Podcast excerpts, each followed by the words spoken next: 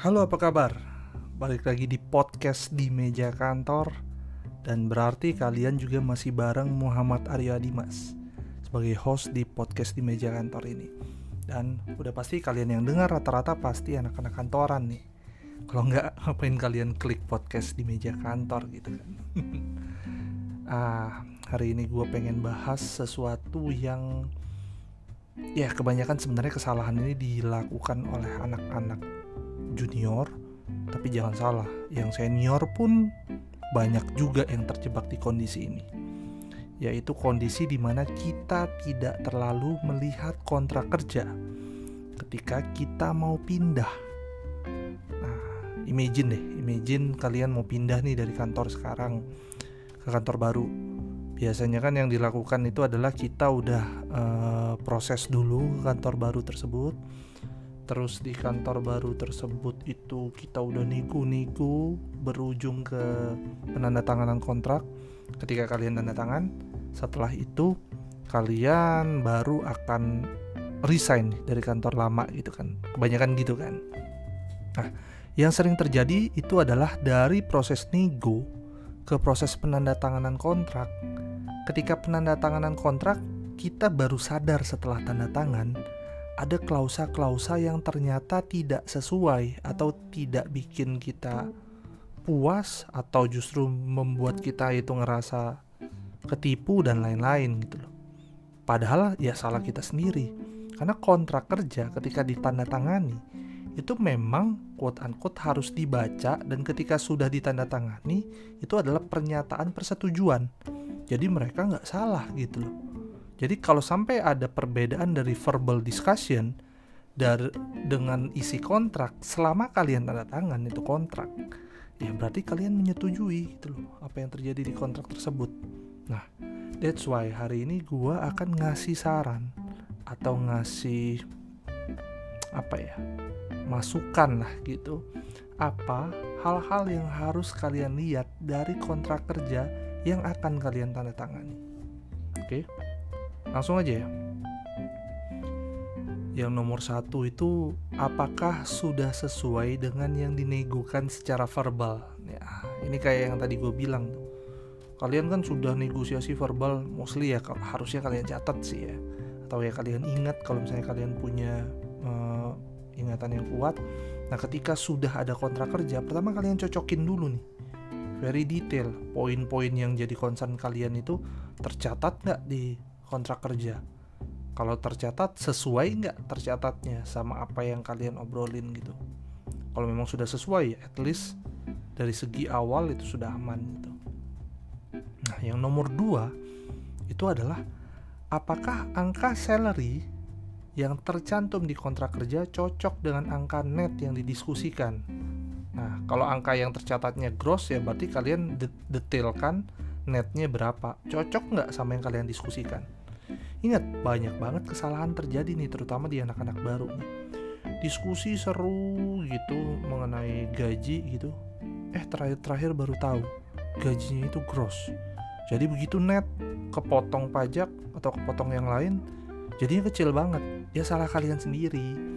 Kenapa kalian nggak pastiin? Kalau misalnya uh, eh, gue dari awal dari kantor-kantor awal begitu nego ya misalnya negonya gross gue akan minta angka netnya kasih gue angka take home pay nya dan angka itu yang akan gue pegang sampai penandatanganan kontrak harus sama gitu. Karena yang gue agree kan adalah angka take home pay bukan angka ketika masih bareng pajak gitu kan. Nah yang nomor tiga. Ya ini juga untuk teman-teman yang awal kerja nih. Apakah ada penahanan ijazah atau enggak? Ini sering jadi momok kan saya banyak banget tuh uh, ngeladenin yang diskusi di Instagram sama Twitternya di meja kantor. Gimana kak kalau ada penahanan ijazah? Ya kalian kalian lihat di kontrak ada atau enggak? Kalau enggak ada kalian berhak untuk menolak ijazah kalian ditahan.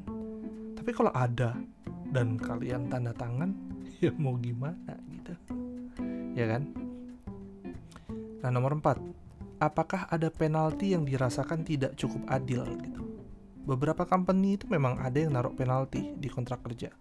tapi selama itu adil selama itu kalian memang secara concern kalian kalian tahu kalian tidak akan terjebak di sana silakan tapi kalau misalnya penalti tersebut terasa tidak adil, potensi terkenanya tinggi, ya kalian nego lah, jangan langsung kalian tanda tangan itu kontrak.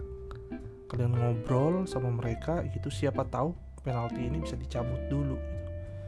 Tapi ya concern saya adalah kalian tahu nih risiko-risiko penalti ini sebelum kalian tanda tangan gitu. Nomor 5 itu apa? apakah ini kontrak atau permanen? Ya ini mostly kalian harusnya udah tahu lah. Kalau nggak tahu di depan ya kebangetan. Kalian ketika tanda tangan kontrak ya pasti nanya kan ini permanen atau ini kontrak? gitu. Dan ya pastikan juga itu ada di verbal uh, di sorry di uh, kontrak kerja jangan sampai kalian ngerasanya permanen tiba-tiba di kontrak kerja kalian itu karyawan kontrak yang ada periode khusus di mana setelah periode itu lewat kalian harus diberhentikan. Ataupun kalau mau dilanjutin kalian harus pura-pura diberhentikan dulu terus di ulang. Ribet kan gitu. Jadi pastikan itu permanen atau kontrak di depan. Nomor 6 apakah ada rules yang tidak sesuai dengan value kalian gitu baik value dari segi prinsip hidup value dari segi uh, mungkin uh, agama gitu. Ya kalian pastikan gitu. Karena kalau rules uh, tidak sesuai sama value ini repot banget. Contoh value prinsip hidup lah. Kalian nggak suka bahwa yang namanya kontribusi itu dihitung oleh kehadiran jam yang mesti pagi. Prinsip kalian seperti itu. Eh kalian masuk ke kantor yang harus absen mungkin scan fingerprint setiap jam 8 atau jam 7 pagi. Ya rulesnya nggak kena sama prinsip kalian gitu kan. Nah itu harus kalian lihat. Either kalian mau nego atau bisa jadi kalian drop itu kontrak kerja karena memang nggak sesuai gitu. Nomor 7 cek lagi level dan title. I know nggak semua orang mementingkan ini tapi menurut gue ya penting karena level sama title itu kita pakai nanti kalau misalnya kita mau let's say pindah lagi atau ya proud kebanggaan kita secara untuk diri kita sendiri ya itu harus kita cek sesuai nggak sama yang diobrolin. Levelnya titlenya gitu. Jangan salah satu doang misalnya kalian title oke okay, dikasih vice president. Ternyata level vice president di company itu rendah gitu jadi harus dua-duanya kalian pastikan gitu. Nah, yang terakhir itu kalian harus cek klausa atau pasal benefit selain gaji secara rinci. Nah, gue pernah bahaskan di beberapa um, podcast or video sebelumnya gitu.